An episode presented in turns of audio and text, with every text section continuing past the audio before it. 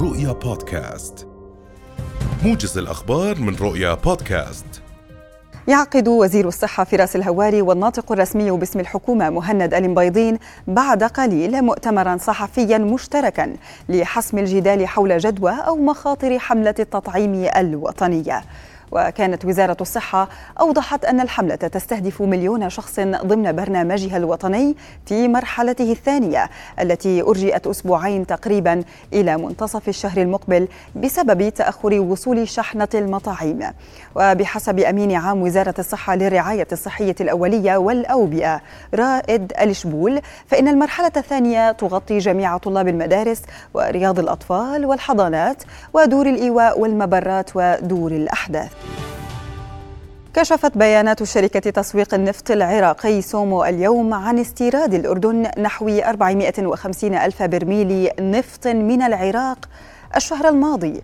واستورد الأردن بمعدل 15 ألف برميل نفط يوميا خلال شهر أيلول الماضي.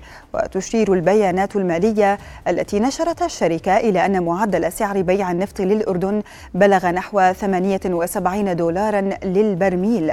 وفي آب الماضي أعلن الأردن والعراق عن زيادة كميات النفط الخام العراقي التي يتم تصديرها للمملكة.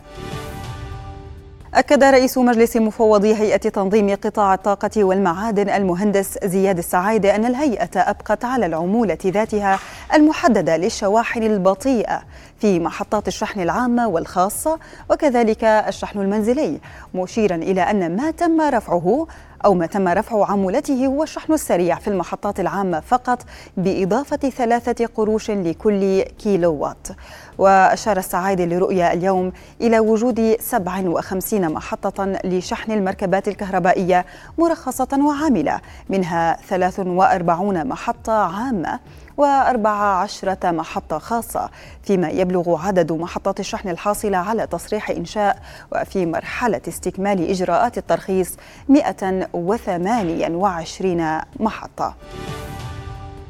اقتحم عشرات المستوطنين صباح اليوم باحات المسجد الأقصى المبارك بحماية مشددة من شرطة الاحتلال الإسرائيلي. وشوهد المستوطنون بينهم أعضاء كنيست ووزراء سابقون يقتحمون باحات الأقصى على شكل مجموعات متتالية من جهة باب المغاربة.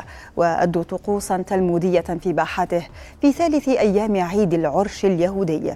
وتجولت مجموعات كبيرة من المستوطنين في أزقة البلدة القديمة من القدس المحتلة وأدوا طقوسا تلمودية عند أبواب الأقصى. ذكرت وسائل إعلام مصرية اليوم أنه تم السيطرة على حريق شب في مقر مديرية أمن الإسماعيلية بالعاصمة المصرية القاهرة. أسفر عن إصابة ثلاثين شخصاً. وأظهرت فيديوهات متداولة ألسنة لهب ضخمة وهي تلتهم طبقات المبنى المتعددة. كما أسفرت عن انهيار الواجهة الرئيسية للمبنى ودفعت الحماية المدنية بالعشرات من سيارات الإطفاء في محاولة لمحاصرة النيران والسيطرة على الحريق. كما تدخلت الوحدات التابعة للقوات المسلحة في الإسماعيلية في عملية الإطفاء والإنقاذ والإغاثة.